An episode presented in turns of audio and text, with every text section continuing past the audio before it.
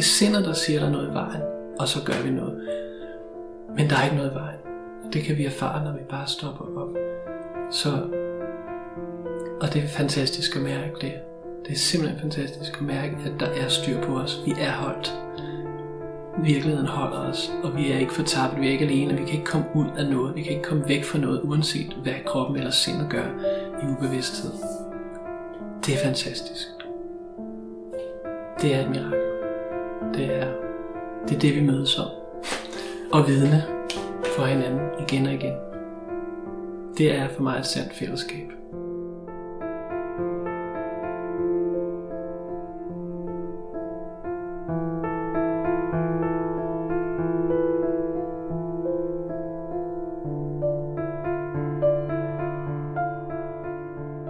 Velkommen til denne podcast, som handler om, hvordan vi transformerer frygt til fred på alle områder i livet.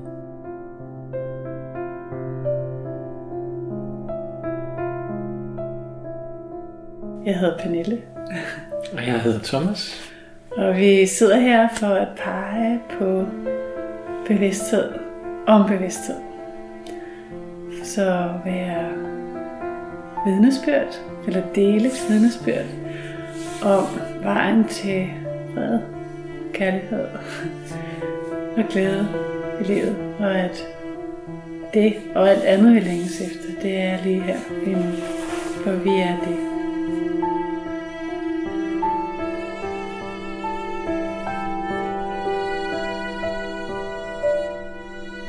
Længes du også efter mere fred i dit liv, så du kan nyde alt det smukke, der er lige her, lige nu. At leve i fred behøver ikke være svært. Vejen behøver ikke være lang og stenet, eller kun forbeholdt de særligt udvalgte. Vi, jeg og Pernille, har en enkelt daglig praksis, som har hjulpet og hjælper os til at transformere frygt til fred på alle områder af vores liv. Og det vil vi dele, eller jeg vil dele med jer og med os. Så vi kan lære, hvordan vi kan hjælpe os selv, og som helt almindelige mennesker med en helt almindelig hverdag, kan overkomme den frygt, der måtte dukke op i forskellige forklædninger. Og leve vores liv fra et fundament af fred, frihed og glæde.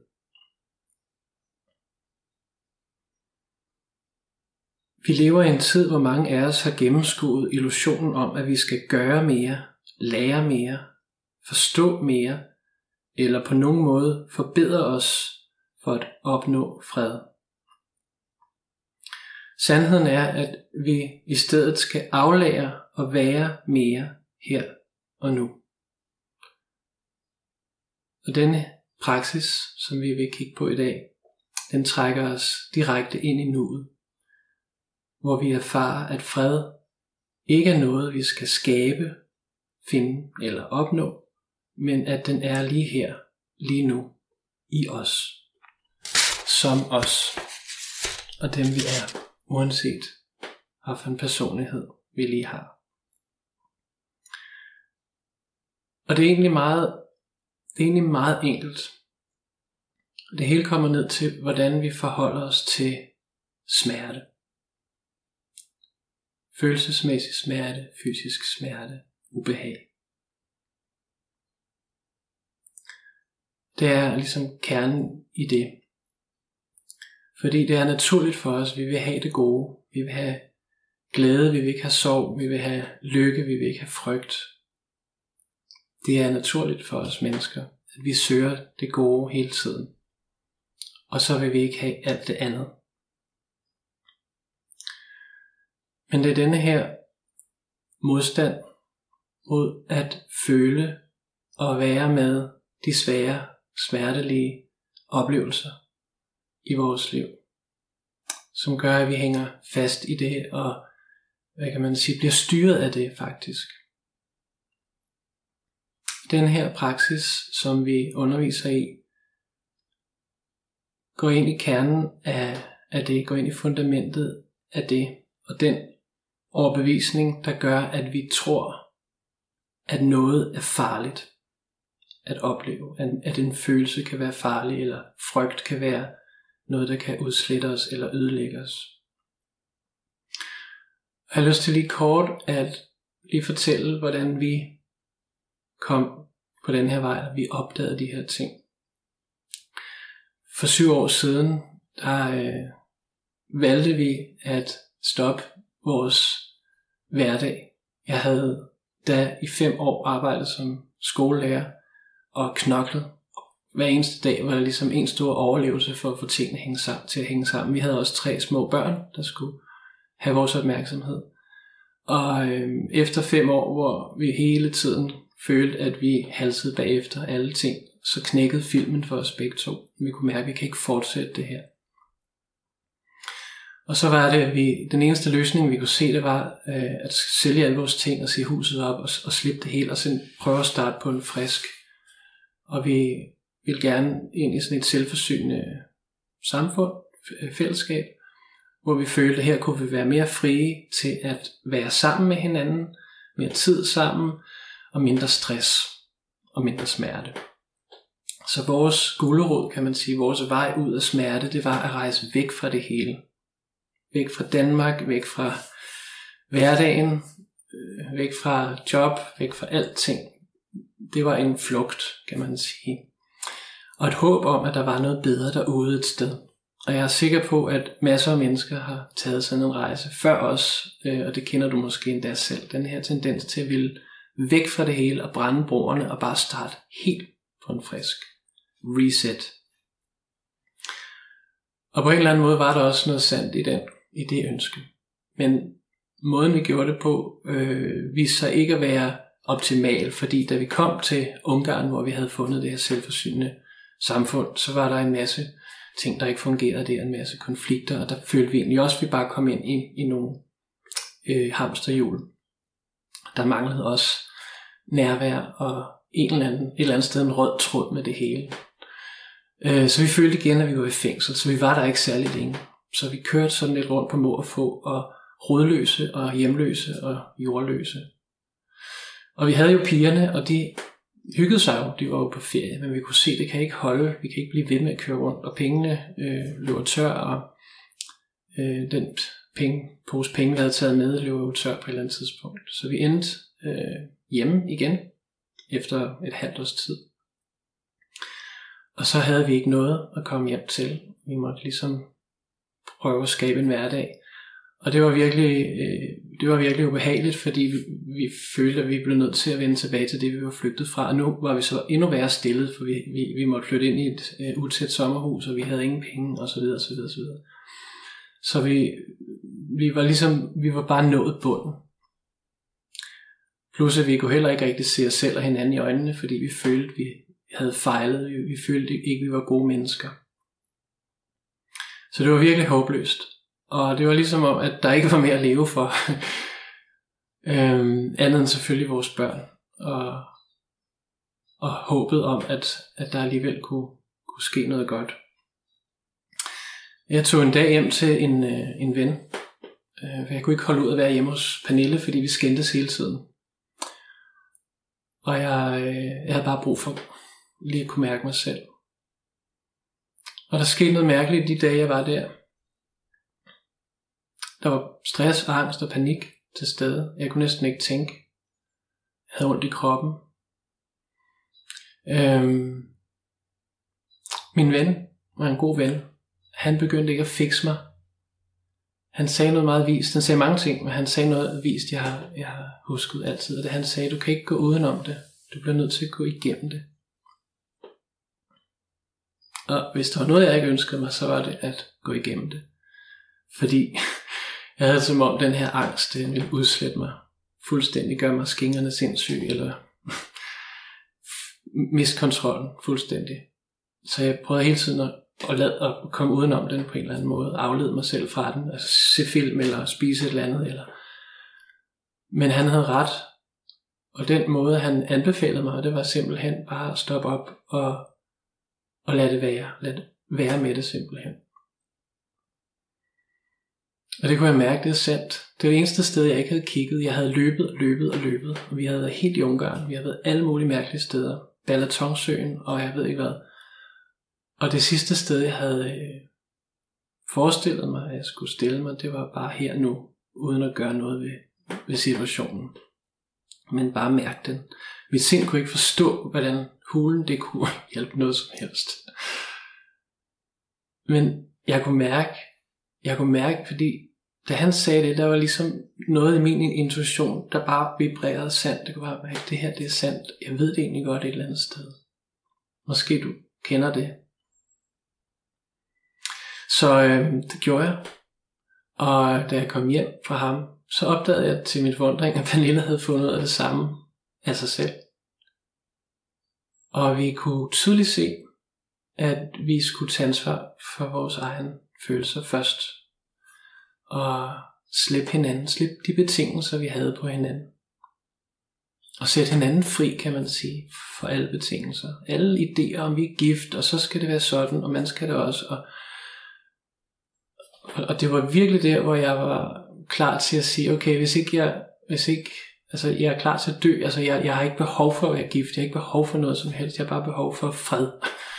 Så jeg slipper alle de her idéer, mit sind har, og så stopper jeg bare op og er med det, der er inde i mig. Og så har jeg tillid til, at du også gør det. Og det gjorde vi. Og, og, og det, var, øh, det var det, der ændrede alt. Øhm, der blev bare stille. Selvfølgelig kom tankerne, når jeg sad i en praksis rent konkret, og det er også det, vores praksis er. Det er, vi sidder minimum 15 minutter hver dag i stillhed, øh, alene, hvis det kan lade sig gøre. Vi sætter en timer, så vi ikke skal tænke på uret. Hvis vi har et kvarter nogle gange, så har vi længere tid, og det er også dejligt. Og så gør vi ingenting. Det er egentlig det, der er essensen i den her praksis. Det er, vi gør ingenting. Vi sætter os ned og stopper med at handle og reagere på sindet. Og så buller det, og så brager det, og så siger det en masse ting, og så rører man ud af en tangent og kører ind i tankemøller, og så tilbage igen. Så bliver du bevidst om nu, og jeg sidder her og tænker, og så kommer det nærvær igen her i kroppen, og vejrtrækning, så mærker jeg, jeg sidder her. Og det er sådan en ud og ind, ud og ind, miste nærvær, tilbage nærvær, miste nærvær. Øhm, de første gange var det egentlig bare en kamp. Jeg tænkte, i mit sind tænkte, at det her godt nok, sker der noget. Og det gør sind, fordi sind er helt, sind, det det tanker gør. De vil gerne gøre alting til et middel til at nå et mål. De vil gerne et andet sted hen, et bedre sted hen. Men da jeg så fandt ud af egentlig bare også at lade det være, så lige pludselig gik det op for mig. Der er noget, der vidner det her tanker. Der er noget, der er bevidst om de her oplevelser smerte, ubehag, stress, angst, klaustrofobi. Det er der, men der er også noget, der vidner det. Og da jeg begyndte at blive interesseret i det, hvad er det? Så gik det op for mig, at det aldrig ændrer sig. Det, det at være bevidst, denne bevidsthed, der oplever det hele, er uforanderlig. Og jeg kunne også mærke og, og erkende, at den er urørlig.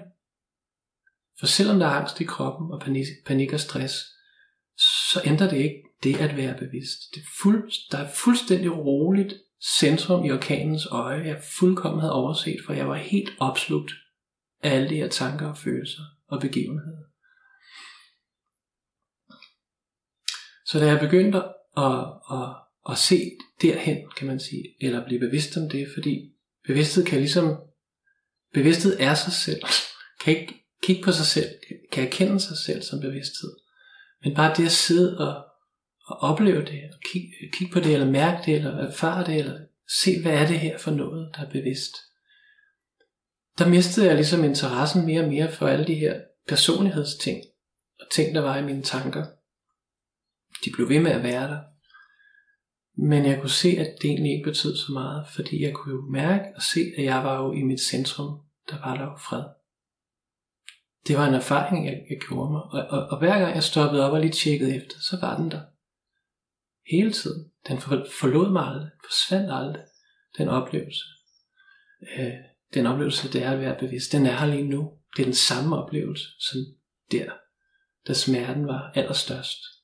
Og det er også den samme oplevelse, som da jeg var fem år gammel, og jeg sad i stolen foran fjernsynet. Jeg kan huske en dag, jeg sad der og drejede rundt. og sådan lænestol, man kan dreje rundt i. Jeg, har tydeligt, jeg ved ikke, hvorfor jeg huskede lige det. Men følelsen af at sidde her med kroppen og dreje rundt i den her stol og kigge på væggen og høre lydene, der var jeg også, der kom også en bevidsthed om bevidsthed til stede der. Og det har det faktisk gjort, bare sådan spontant i løbet af mit liv, når jeg lige ikke var opslugt af et eller andet. Øh. Så, så den her erkendelse af det, jeg er, og det vi alle sammen er, fordi bevidsthed er i os alle.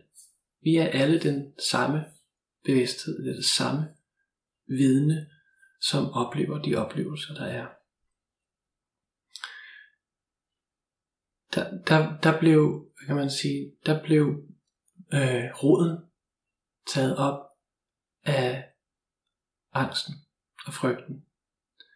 For jeg kunne se, at frygten og angsten opstod, fordi at jeg troede, at jeg var min krop og mit sind, og jeg delte skæbne med kroppen og sindet, så når kroppen er syg, så er jeg syg. Og når sindet er i panik, så er jeg i panik.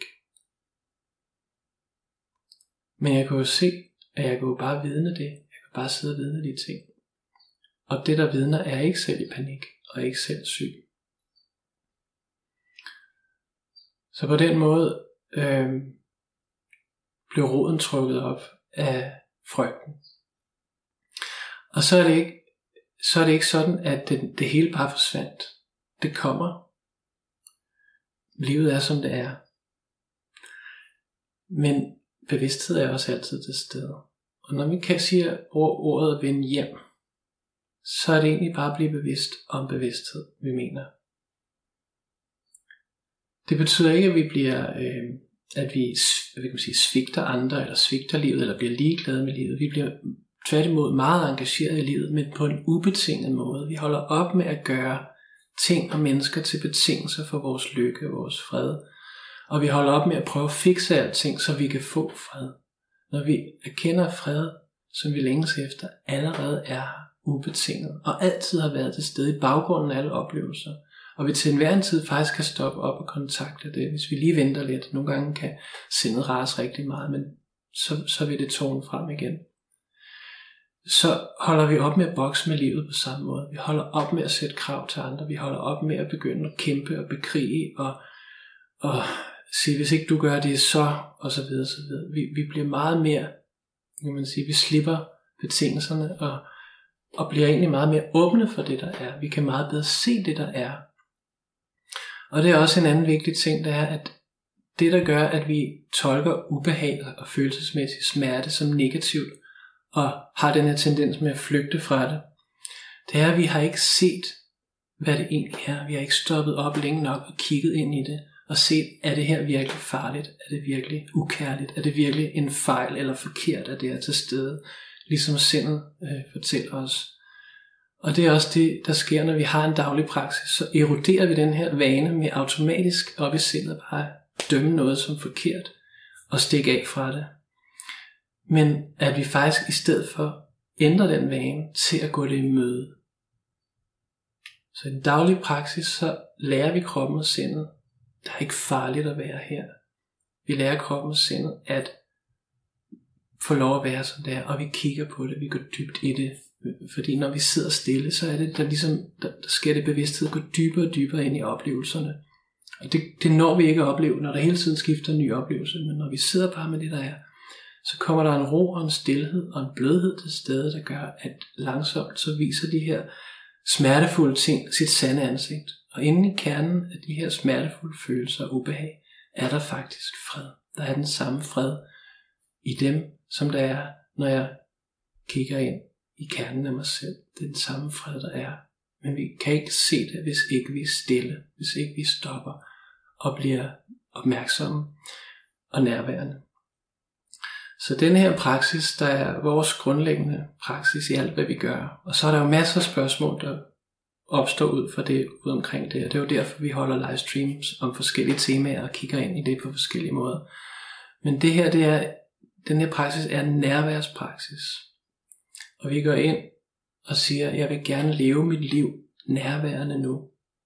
Jeg, jeg stopper den her besættelse af at, at, at flygte fra det, der gør ondt, og prøver at ændre det. Og i stedet for, så siger jeg, nu, nu dedikerer jeg mit liv til nærvær. Til at egentlig stoppe op og være med det hele, så meget jeg nu kan. Så meget jeg nu kan med det her liv, jeg har.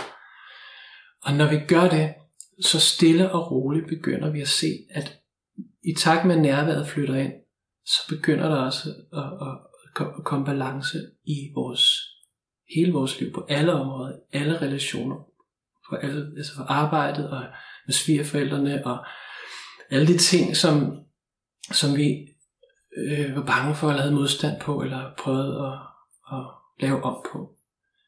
Og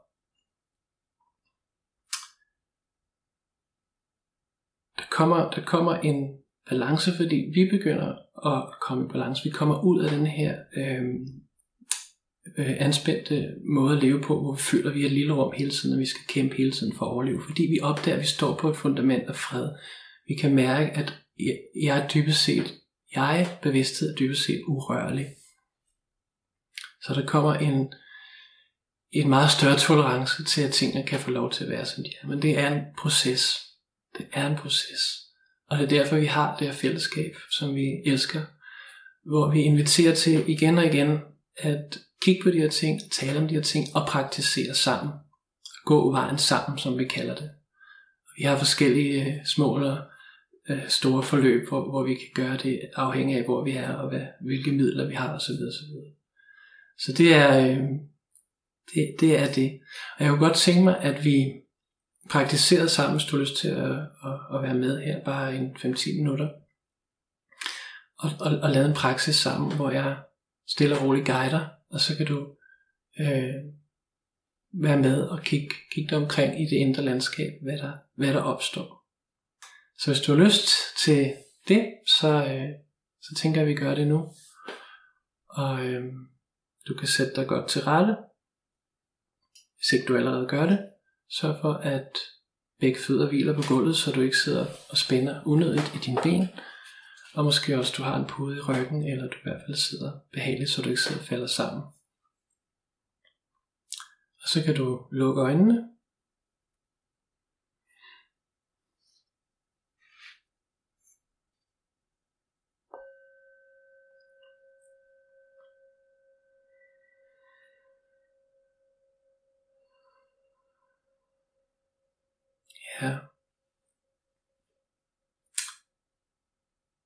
Så det første vi kan konstatere, det er, at jeg er her.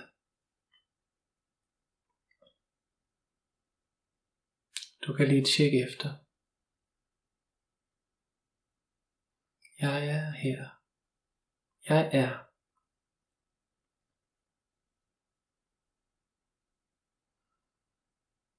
Der er væren til stede. Prøv at undersøge, om det er sandt. Er væren til stede?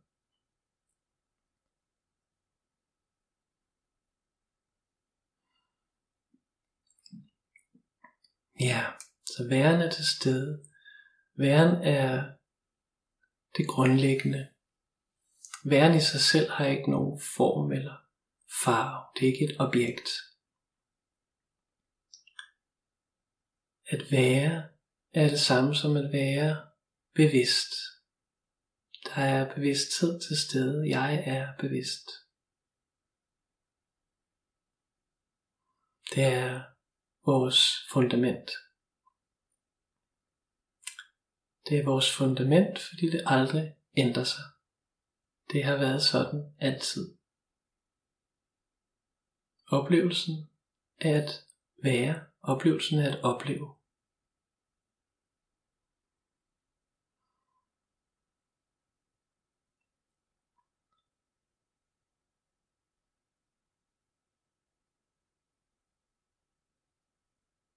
Så er der også oplevelser, som kommer og går. De her oplevelser kan vi putte i kategorier, vi kan kalde dem enten tanker, eller følelser, eller sanseindtryk, eller kropsfornemmelser.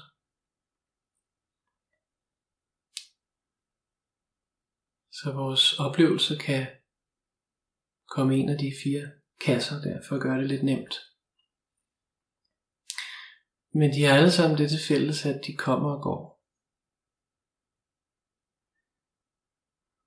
De er ikke konstante. En tanke er ikke konstant.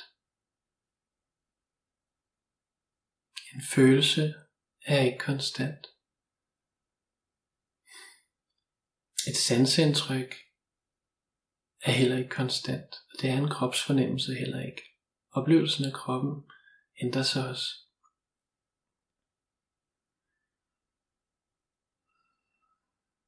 Nogle ting er længe i vores oplevelse, andre ting meget kort.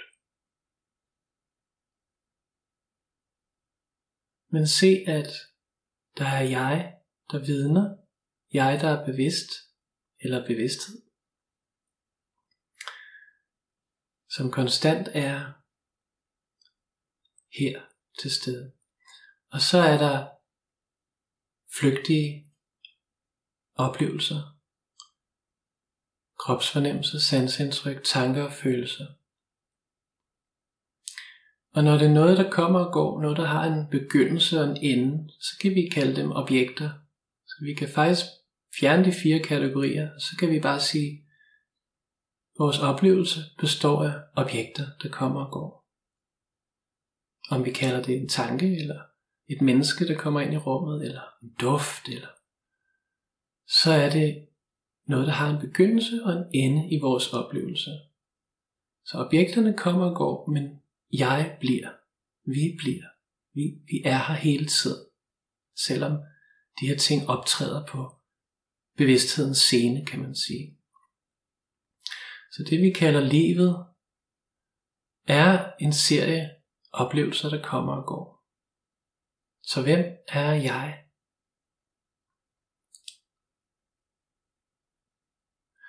Tankerne vil komme med en forklaring og et billede og en historie, og følelserne, kroppen vil bakke op omkring det. Men når vi ser, at tanker og kropsfornemmelser og følelser er noget, der kommer og går, så kan vi se, dem. det er ikke det, jeg er. Det er ikke det, jeg virkelig er. Tanke, det, det tanke skabte jeg, det som nogen kalder egoet, er bare tanker. Det er bare en forestilling, en idé, som er blevet dyrket eller opretholdt i sindet i overvis. Men jeg er ikke noget af det. Jeg er det, der er bevidst.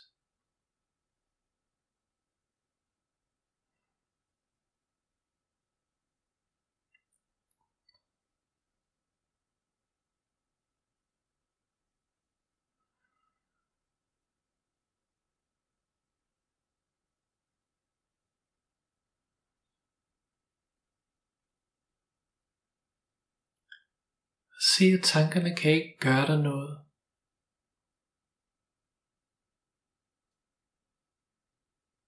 De kan ikke gøre dig bevidsthed noget. Tankerne kan være ophidset, og kroppen kan spænde sammen og være og føle smertefuld, og følelserne kan føle smertefuld.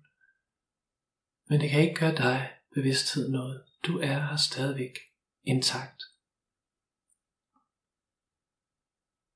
Du er hinsides oplevelser.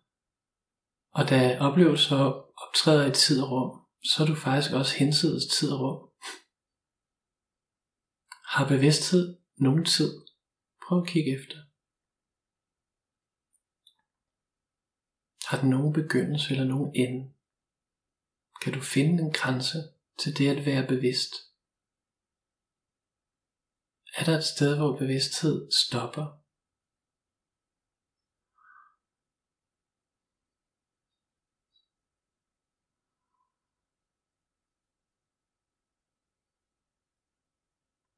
Du vil nok erfare, at der ikke er en grænse til at være bevidst.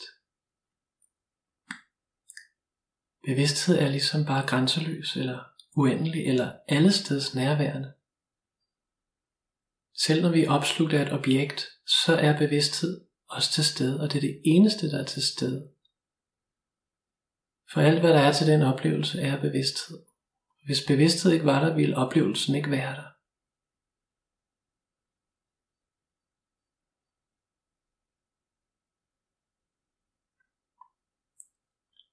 Du kan gå og lege lidt med det, hvis du har lyst. Kig på ting, zoom ind på noget. Vasen på bordet, eller en tanke, eller en lyd. Spørg dig selv, om du kan finde noget andet end bevidstheden om det her objekt. Er der andet til det her objekt end bevidsthed? Det er også en god nærværsøvelse.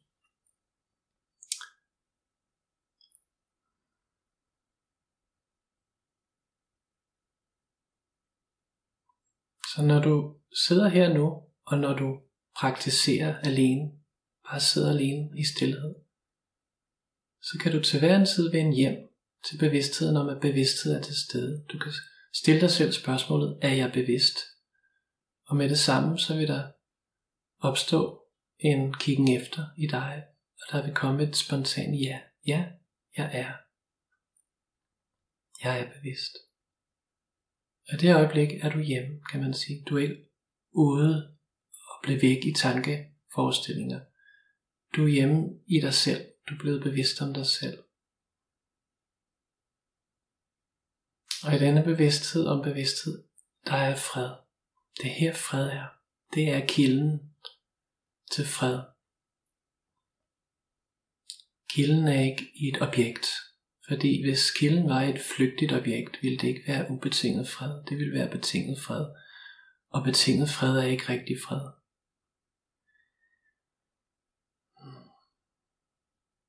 Så vi har allerede fred. Fred er her.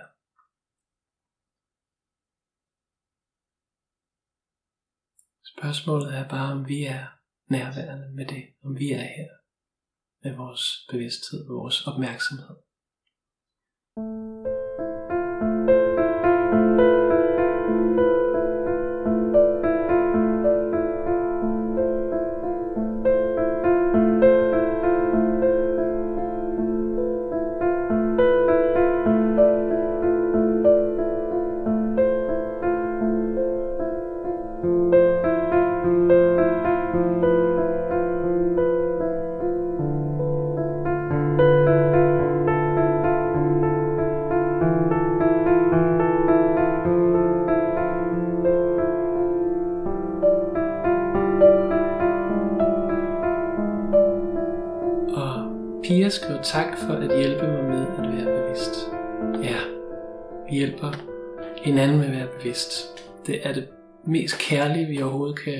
Hjælpe hinanden med at gøre for hinanden, oplever jeg. Og vi kan gøre det, det behøver ikke at være, være en forhindring, at vi skal lave mad eller vaske op, eller på tur, eller på arbejde, eller vi, vi kan jo altid være bevidst, starte med at være bevidst selv, komme til stede og være bevidst om bevidsthed og mærke fred. Og så tager vi os af det, der er, og vi tager os af hinanden. Og hvis vi kan se hinanden, hvis vi kan se på hinanden, at vi er, vores blik flakker, og vi er blevet væk i tanker og, og ængstelighed osv., så, videre, så er det, at vi kan hjælpe hinanden mest egentlig bare med at være rolige og selv at have den kontakt, fordi det smitter. Vi kan mærke det og så et par enkelte ord eller en, en hånd på skulderen, og så kalder vi hinanden hjem. Så vi, vi, vi kan ikke redde hinanden, men vi kan hjælpe hinanden til at opdage, at vi ikke skal reddes. Så det giver mening at blive bevidst om, at jeg er ikke i far, jeg er ikke noget, der skal reddes. Bevidsthed er intakt. Jeg er det. Det er redningen, fordi faren ligger i tankerne. Faren ligger i en fejlopfattelse af os selv, som igen og igen og igen besøger os. Og det kan vi hjælpe os selv med, og vi kan hjælpe hinanden med. Prik på skulderen lige Kom ned på jorden, kom hjem igen.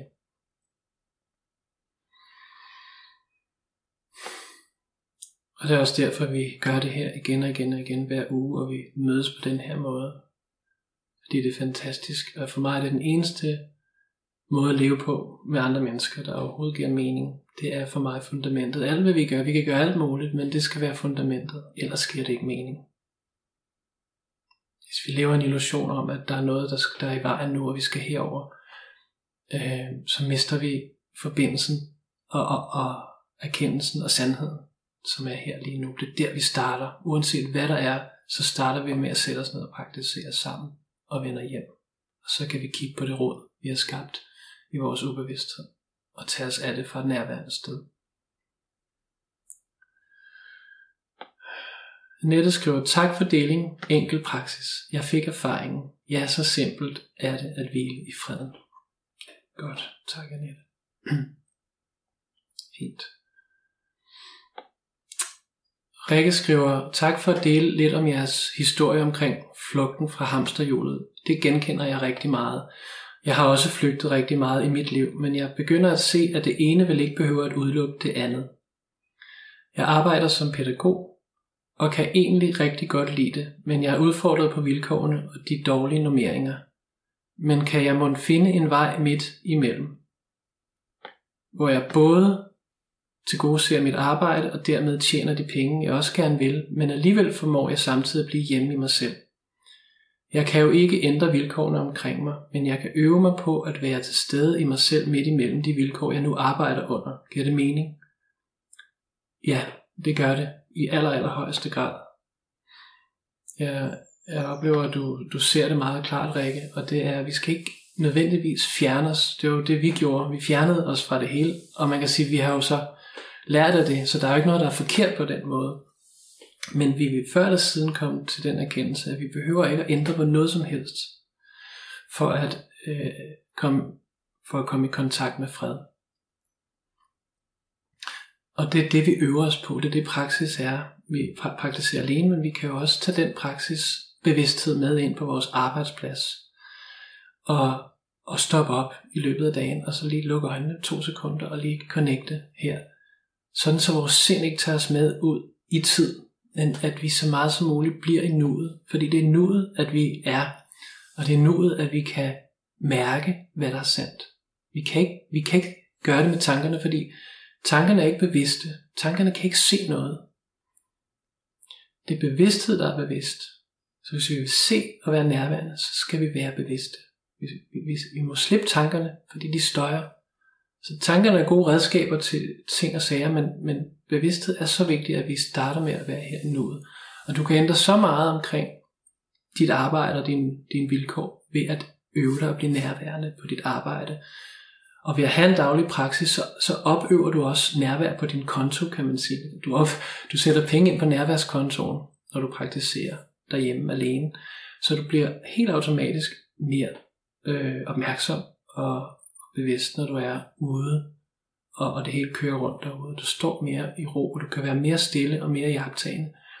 Og, og du kører ikke med på alle de her øh, ting, som kører derude i andre mennesker, der måske har mistet deres nærvær.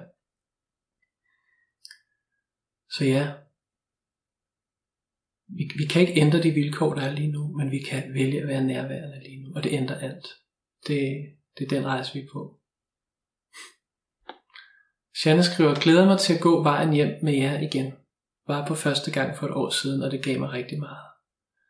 Ja, dejligt at høre, Shanne, og vidunderligt, at du er med igen, at din tilstedeværelse er her. Vi er så gavnlige for hinanden. Alle sammen. Så tak for at være. Og have lyst til at være. Det er det største, vi kan give et andet menneske. Det er vores væren. Vores fulde nærvær. Så tak for at være her og, og rejse med os igen.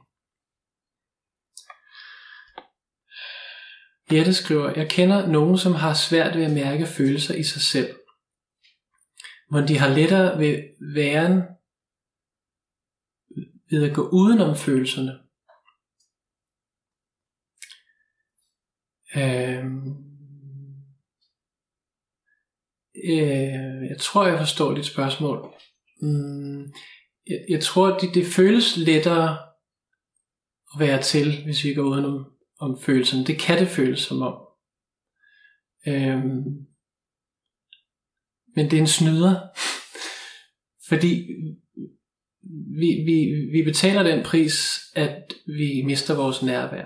Der kan godt komme en nydelse og glæde og en følelse af, at livet er godt ind, men, men hvis vi mærker efter, at der stadig uro under overfladen. De her følelser, de svære følelser, går ikke væk, fordi vi dækker over dem med flødeskum og lavkage, eller hvad man kan sige. Øhm, så jeg vil ikke sige, at det bliver lettere at, at, at være, men det, det, det, det, bliver, det bliver lettere at fungere, kan man sige.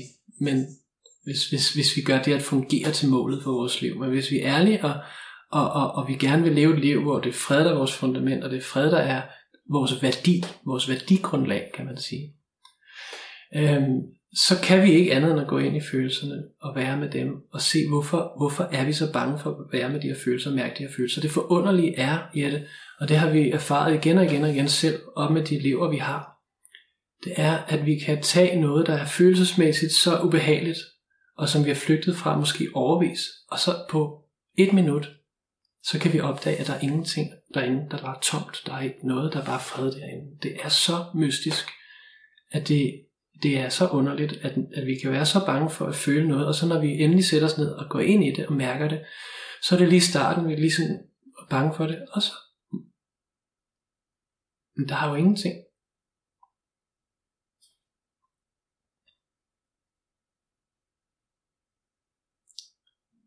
Så vi, og vi kan hjælpe hinanden med at være mere stille, når vi kan mærke, at andre lider. Fordi så kan de mærke, at der er plads, og så begynder de at tale og åbne op, og så begynder vi at være med det sammen. Jeg håber, at det var svar. Ellers skriv igen.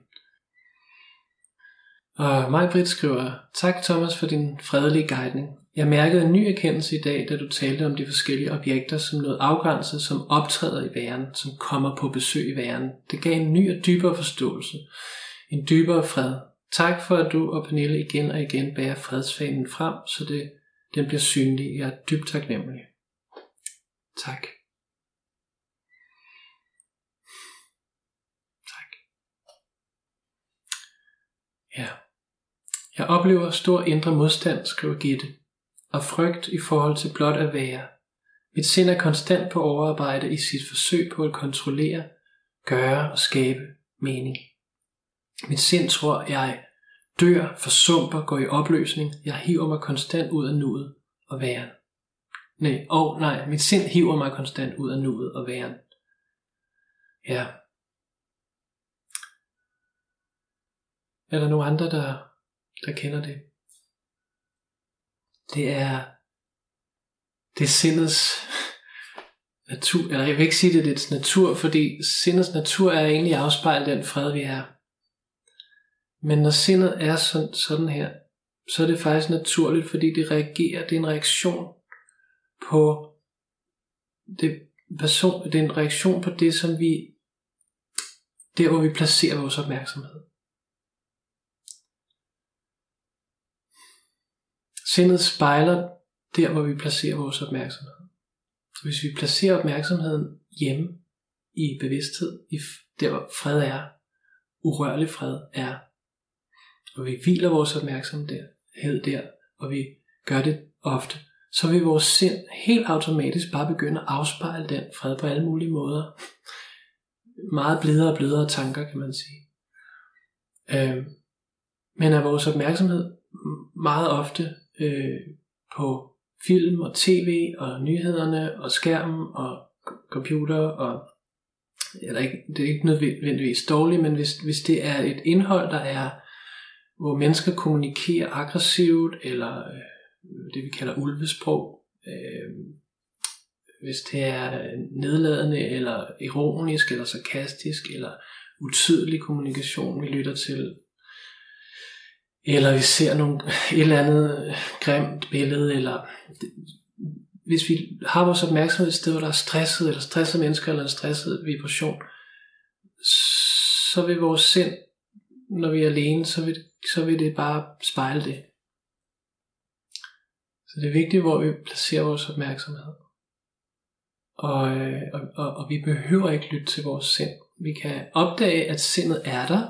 Det er en oplevelse. Det er faktisk, at Faktisk er sindet bare tanker, der kommer og går. Det er objekter, der kommer og går. Vi kan sidde og jagtage det og øve os på det, så vi bliver indhyldet i det, vi ikke bliver identificeret med det. Øhm, og så kan vi faktisk lære, at vi behøver ikke at lytte til det. Vi kan være så kætterske, at vi lader alle frygttankerne komme og gå, og bare blive siddende. Og jo mere vi gør det, jo mere træner vi faktisk sindet til at slappe af. Øhm, og til at lystre os, kan man sige. Så det er ikke os, der lystrer sindet, men sindet, der lyster os. Fordi når vi ikke deltager, så til sidst finder sindet ud af, eller vi lærer vores sind, at, at det her er ikke vigtigt. Det vigtige er, at jeg er hjemme i, i fred med mig selv her, i bevidsthed her.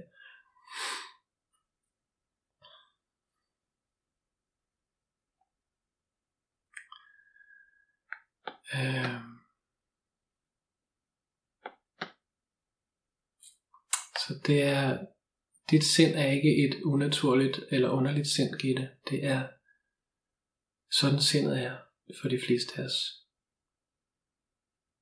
Og det er derfor, det er så vidunderligt at sige det højt og se det sammen, så vi kan for det første tale ind i, hvad der er sandt, og vi kan øve os på at stille os det rigtige sted, og vi kan gøre det som en gruppe. Ja, Ursula skriver, kommer i tanke om alle de gange, også meget som barn, hvor jeg faldt i staver. Der er det samme sted for mig, som jeg er i, når jeg praktiserer og oplever dyb fred. Skønt at opleve. Ja, det vi kalder fald i staver. Det er det. Er det. Fald i staver er at bare, faktisk bare at hvile sig i bevidsthed, uden at blive opslugt af tanker og objekter. Det er, det er ligesom når vi bliver opslugt af et objekt eller en tanke, så ligesom vores opmærksomhed zoomer ind, bliver meget snæversyn, og rummet bliver meget småt, føles meget småt. Og når vi falder i staver, sådan helt spontant, eller, eller når vi praktiserer og, og langsomt falder til ro, så oplever vi ligesom optikken her på kameraet zoomer ud og der bliver bredere og bredere. Alting optræder fra bevidsthed. Alting kommer og går. Der er uendelig meget plads. Jeg-bevidsthed er uendelig plads. Der er plads til det hele. Og lige pludselig virker de her tanker, der var så store, som sådan nogle små objekter, der svæver rundt ude i det uendelige rum. Ubetydelige. Fordi jeg er det her rum. Der er ingen problemer med det her. Men når man zoomer helt, helt ind på det og identificeret med det, så føles det som om, at det er verdens ende. At de er her, og det her skal løses nu. Og sindet øh, og, og, og, eller kroppen samarbejder faktisk med det her fokus og skaber panik og adrenalin og alt muligt, der hammer gennem kroppen. Så hvis vi er der, hvor det bare kører mere, så er der altså ikke andet at gøre. Lige hvis vi bliver bevidste i det, så stop. Sæt sig ned og vente til, at kroppen og sindet falder til ro igen. Og så helt automatisk sker den her bløde op, rummet kommer til syne, vores sande selv toner frem i vores bevidsthed. Alt, alt er godt, alt er fint. Det er ikke noget, egentlig ikke noget, vi skal præstere eller gøre. Det er faktisk noget, der sker af sig selv. Det er noget, der sker med os. Men vi bliver mere og mere bevidste om det, og så bliver det mere og mere vores nye vane, det vil sige stop op, når, når smerte kommer, og blive stille med det og være med det, frem for at blive endnu mere panik og løbe endnu hurtigere. Ja, øh, så skriver øh, Tine skriver, tak for at vise vejen så klart og enkelt. I foregårs tog jeg to større konflikter med i stillhed. Jeg var der med problemerne og gjorde ingenting. Og så forberedte jeg mig på, at det nok ville blive en længere proces. Men allerede i går fik jeg to opringninger med besked om, at begge konflikter var løst. Det var og er forunderligt. Fantastisk. Fantastisk vidnesbyrd. Tak, Tine. Og det er til os alle sammen. Det er så godt med de her vidnesbyrd, at vi, at vi kan se øh, fra hinandens øh, perspektiver, hvordan at det virkelig gør en forskel. Også fordi sindet forstår ikke, hvordan kan det, at jeg sætter mig ned og bare er med følelsen i stillhed, uden at jeg går ud og konkret og løser problemer. Hvordan kan det løse noget, der er et andet sted? Øh, noget, som nogle andre mennesker har magt over, måske. Og det er magi, og det er jo fordi, at når, når vi erkender, at bevidsthed er det eneste, der er, så ser vi også, at det er et stort hav af bevidsthed. Det er et udelt hav af bevidsthed, uendeligt. Verden er ikke opdelt i brudstykker af, af adskilt eksisterende objekter. Det hele er det samme ene. Så når jeg sætter mig ned og slutter fred med det, der er, så slutter det fred der, hvor det er. det er det stærkeste øh, fredspraksis.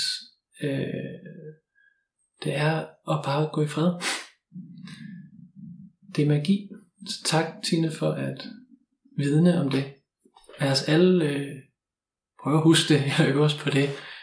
Selvfølgelig skal vi ikke bare lade tingene sejle, men at vi begynder med at komme hjem og finde den fred. Så kan vi se, gå tilbage og se, er der stadig et problem derude? Hvis der er, så håndterer jeg det herfra. Og hvis der kommer flere spændingsfulde følelser ud af den situation, så går jeg igen tilbage og finder freden, og går igen ud. Så det er her, jeg henter min næring, det er her, jeg henter sandheden, og det er det, jeg hælder ind i situationen. Og så situationen er ikke en betingelse. Og så, så løsner vi de fleste spændinger, når vi ser det. At fred er her alligevel, selvom det her sker. Og det kan være svært, når der er sygdom og død og, og krig og så videre. Det, det er ikke det, det er en let praksis, men det er på ingen måde let at praktisere.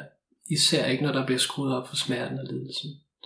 Men det er den vej, det er den eneste vej, det er at gå ind i det. At gå ind i først og fremmest kroppen og følelserne, og dernæst tage sig af det, af det, der foregår i vores sansindtryk, i vores, det vi kalder den ydre verden, som dybest set bare er en forlængelse af os selv. Ja. Pia skriver, oplever stor træthed i takt med, at bevidstheden vågner, når fred og væren opleves også, øh, når, fred og væren opleves, også nye lag åbnes, kommer træthed ofte i kølvandet. Lidt frygt opleves i trætheden. Har du en vinkel på dette? Ja, det er øh, meget almindeligt, og jeg hører det meget tit. Og jeg har også oplevet det lidt selv, dengang jeg selv stoppede op. Stoppede med at løbe. Jeg ved ikke helt, hvad den fysiologiske årsag er til det, men jeg fornemmer, og jeg oplever, at, at jeg, da jeg stoppede op midt i alt det her stress, og, og begyndte at være med det, det første var, at jeg blev overvældet af en kæmpe træthed. En fuldstændig udmavnet træthed. Jeg tænkte, jeg, jeg overlever ikke det her. Jeg er jo ved at dø, altså af træthed. Altså jeg følte som om, at min krop kan ikke mere. Jeg havde ikke mærket det så dybt, fordi jeg, jeg løb rundt, lavede en hel masse ting, hele tiden holdt mig beskæftiget. Og når jeg ikke var beskæftiget, så havde jeg en vane med at spille computerspil på min øh, telefon. Så jeg afledte mig selv ekstremt effektivt. Så da jeg var helt stille, så kunne jeg virkelig mærke den tilstand, min krop og mit sind var, og hvor, hvor mange år jeg faktisk havde kørt den ud over den ene grænse efter den anden. Og det første følelse, det var mismod, fordi kan det her nogensinde rettes op? Og jeg følte fejlagtigt, at det var mig, der skulle gøre det. Og det har jeg jo lært, det er det ikke. Bevidsthed tager sig af det. Det vil jeg sige til os alle sammen. Bevidsthed og nærvær tager sig af alt. Kan tage sig af alt. Fordi det er det, vi er. Det genopretter freden og roen og balancen i alle celler af sig selv. Vi behøver ikke vide, hvordan det foregår overhovedet. Behøver, sindet behøver slet ikke at deltage i det. Vi skal bare gøre det. Og så gå med den træthed, øh, Pia. Hvis din krop er træt, er det fordi den er træt. Giv den lov til at falde i søvn, hvis den vil det. Giv den lov til at sidde og hænge, hvis den vil det. Øhm, gå, prøv at gå med den. Prøv bare at hvile dig. Men prøv også alligevel at praktisere, når du kan. Prøv at gå med det, se hvad der sker, fordi det er en fase, altså når vi tager hul, når vi bliver bevidste og tager hul på at kigge på de ting, vi ikke kiggede på før, så bliver vi overvældet, der kan komme træthed og symptomer, alle mulige ting kan komme op. Men det er naturligt, det er helt naturligt, for det er stået i kø. Vær med det, vær med det, vær med det, og falder du i søvn, så lad det komme. Der, der er ikke noget problem. Det er helt naturligt. Du er på rette vej. Det er et helt normalt symptom på at stoppe op. Øh, og det kan jeg sige til os alle sammen. Det, der vil nok være flere, der kender det. Fordi der er rigtig mange af os, der løber rundt og har pisket sig rundt i managen og ikke har har mærket noget. Også fordi vi, vi lærer ikke nogen steder, hvordan, hvordan forholder jeg mig til smerten. Der er ingen, der siger, prøv at stoppe op og være med den smerte. Alle lærer os at gå væk fra den, og vi skal have det godt hele tiden, og, og, og, og tusindvis af betingelser for det gode osv. Det er meget, meget forvirrende. Og det her handler ikke om, at vi skal dyrke smerten, eller vi skal ikke have det godt. Det handler om, at vi skal blive sande. Vi skal blive virkelig.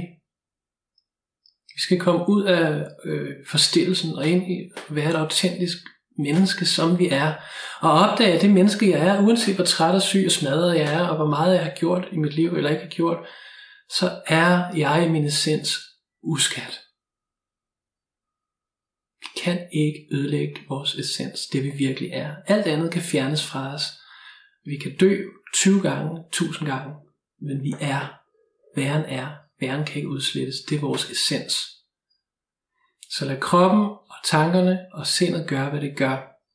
Gå med det, og hvis det, hvis det er, behøver ikke at tvinge det til noget som helst. Men vær stille, så du også kan mærke dig selv dybest inde, og, og gå dybere og dybere i din erkendelse af dig selv. Ja, håber det var svar, eller skriv igen. Og alle er velkommen til, du er velkommen til at skrive os øh, på Messenger eller hjemme, fra hjemmesiden, bare skriv øh, og hvad som helst. Øh, del, hvad du har lyst til. Vi, øh, det er vigtigt, oplever jeg, at vi har hinandens ryg. Der er ingen af os, der skal føle, at vi er alene, for det er vi ikke.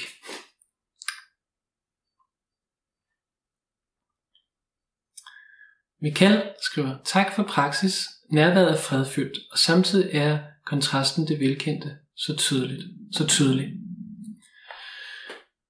Smerten og frygten om succes, hvor man har illusionen om, at nogen eller noget lige rundt om hjørnet lyser det hele, men hvor smerten kun bliver større for hver gang. Det er vigtig læring for mig at praktisere en øvelse igen og igen. Det er ikke et engangsfix.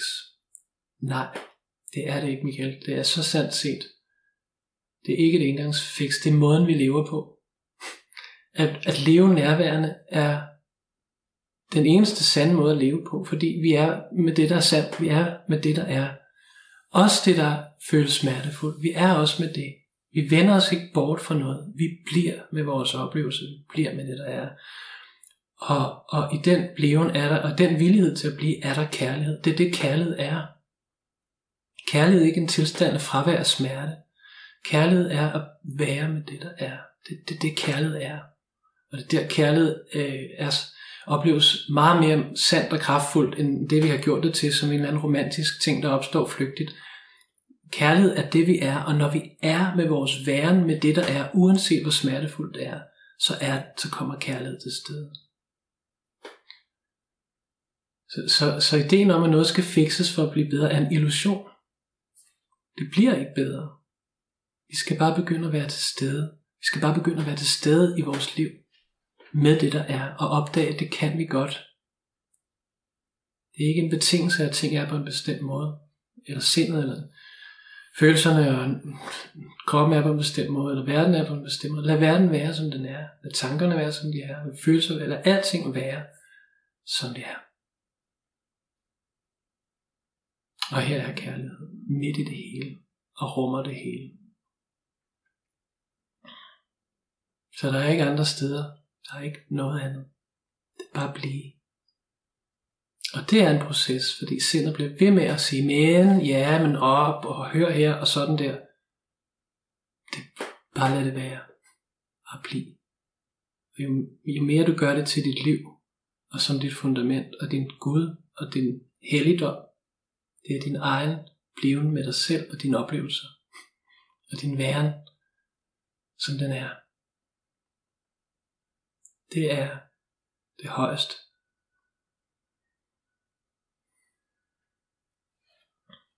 Tak. Og øh, Marie skriver, øh, sjov og god analogi med kamera.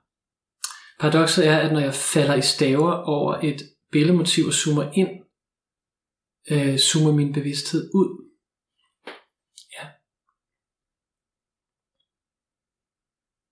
Jeg tror, at det du øh, hensyder til, er det, at jeg ved ikke helt, hvad det er, du... Øh, vi, vi, det er svært nogle gange også at beskrive indre oplevelser.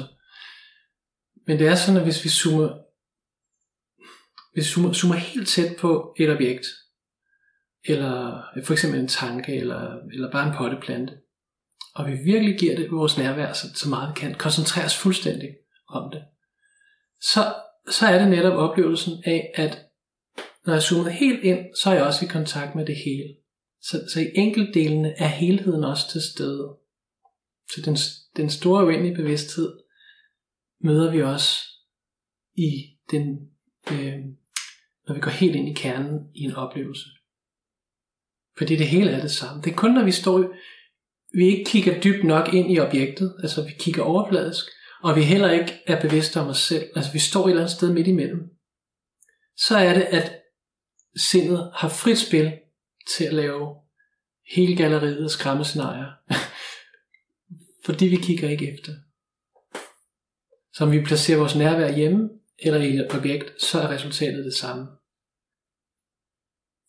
Måske var det det, du også talte ind i, og måske var det noget andet, ellers så er du altid velkommen til at skrive igen, hvis der er nogle andre spørgsmål. Market skriver, ikke alene, nemlig i smerten tror vi, at vi er alene eller forkerte. Ja, det er præcis. Vores tanker er, hvis vi, hvis vi placerer vores identitet i tankerne, og vores tanker ved intet om os, ved ikke hvem vi er, så får vi øh, tankernes fortolkning der, i, i dualitet. Tankerne går ind og opdeler verden i adskilte dele. Verden er en hele, men sindet går ind og opdeler det i dele. Det, det er sådan sindet er lavet for at kunne håndtere praktiske ting. Så den ikke hele tiden skal håndtere helheden på en gang, så zoomer den ind på enkelte dele. Og for sindet opleves det som om, at verden består af en masse adskilte enkelte dele. Og det er det, der hedder dualitet, og det er derfor, at det her, vi underviser i mig vi det kaldes non-dualitet. Øhm, men for sindet er selvbilledet altid alene, og det mangler altid. Det føler sig altid alene. Og det føler altid, at det gør en masse ting og får aldrig. Plus at det føler, at hele tiden gør det bedste, og det er altid ikke helt godt nok.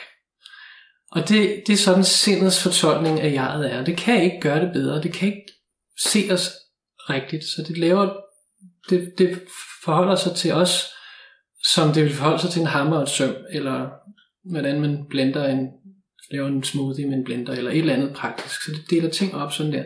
Så vi kan ikke stole på sindets billede af os selv. Hvis vi gør det, så, så vil vi netop have en følelse af, at vi er alene og forkerte hele tiden, og vi mangler noget hele tiden.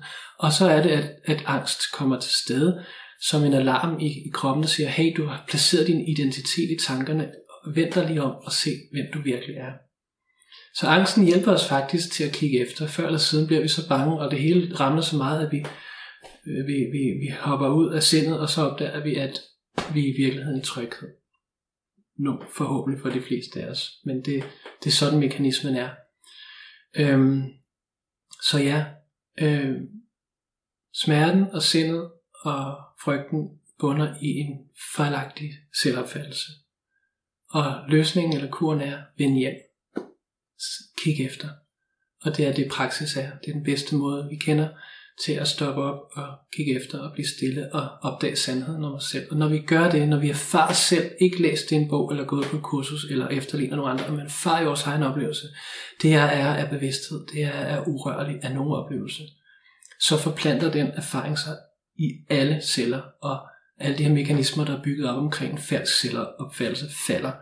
Og, og den her følelse af at være forkert og alene, øh, bliver stille og roligt vasket ud af systemet. Det kan tage år, fordi det har taget år at bygge op. Men, men det vil stille og roligt tone ud, og til sidst, eller på et eller andet tidspunkt vil vi ikke have noget problem med det, er der, fordi vi vender jo bare hjem og ser, at det, det er der ikke virkeligt. Så vi har ikke noget problemer med den illusion til sidst. Eller til først, jeg ved ikke, hvor vi er henne på den rejse, men, men, men vi, vi, vi, vi behøver ikke at bokse med den, fordi det er slet ikke det, vi er. Så vi skal ikke fikse det. Og Jytte skriver her til sidst. Jeg oplever, at efter jeg er begyndt at praktisere hele det kroppen, og den finder mere og mere sin naturlige balance. Det er fantastisk at mærke. Ja, det er fantastisk at mærke. Det er ligesom den der korkprop, man, hvis man holder den ned under vandet, øh, øh, så er dens natur, når vi slipper den og kommer op til overfladen. Så når vi ikke gør noget, når vi bare bliver stille og gør ingenting, så er det altings natur at genoprette balancen. Vi skal ikke spise alt muligt, eller købe alt muligt, eller gøre faktisk less is more, gør. Spis mindre, gør mindre, lav livet mere enkelt. Sæt dig stille praksis, nyd livet her, så meget som muligt, stille stunder. Skal ikke, vi skal ikke gøre noget, fordi det er sindet, der siger, der er noget i vejen, og så gør vi noget. Men der er ikke noget i vejen. Det kan vi erfare, når vi bare stopper op. Så Og det er fantastisk at mærke det. Det er simpelthen fantastisk at mærke, at der er styr på os. Vi er holdt. Virkeligheden holder os, og vi er ikke fortabt, vi er ikke alene, og vi kan ikke komme ud af noget, vi kan ikke komme væk fra noget, uanset hvad kroppen eller sindet gør i ubevidsthed. Det er fantastisk. Det er et mirakel. Det er det, er det vi mødes om. Og, og vidne for hinanden igen og igen. Det er for mig et sandt fællesskab.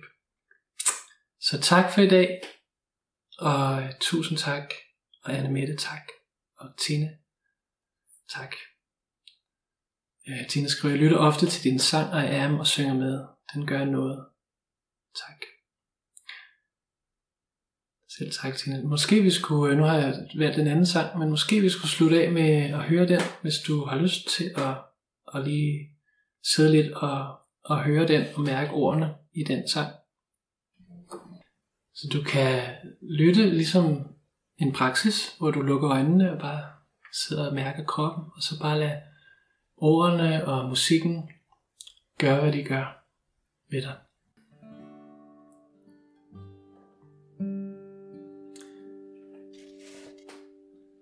I don't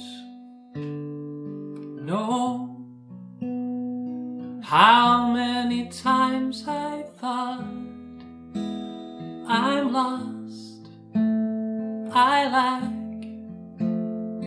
I need. But this I'd miss was never apart from my heart, my soul, myself. Messiah.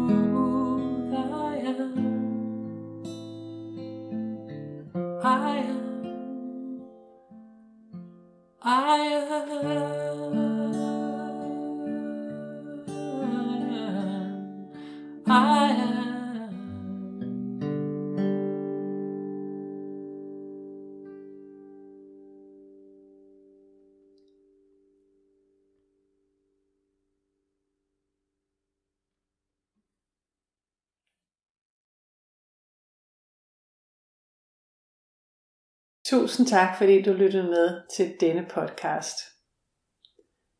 Podcasten er et uddrag fra en livestream, som blev sendt fra vores Facebook-gruppe Pernille og Thomas Livestreams. Vi sender jævnligt gratis livestreams, og hvis du har lyst til at deltage og dermed få mulighed for at stille spørgsmål og være med i en fælles praksis, er du hjertelig velkommen til at tilmelde dig vores gruppe. Du kan også tilmelde dig vores nyhedsbrev og få et gratis introkursus som velkomstgave. Du kan finde link til Facebook-gruppen og nyhedsbrevet i teksten under denne podcast. Endnu en gang, tusind tak, fordi du lyttede med. Det gør en verden til forskel.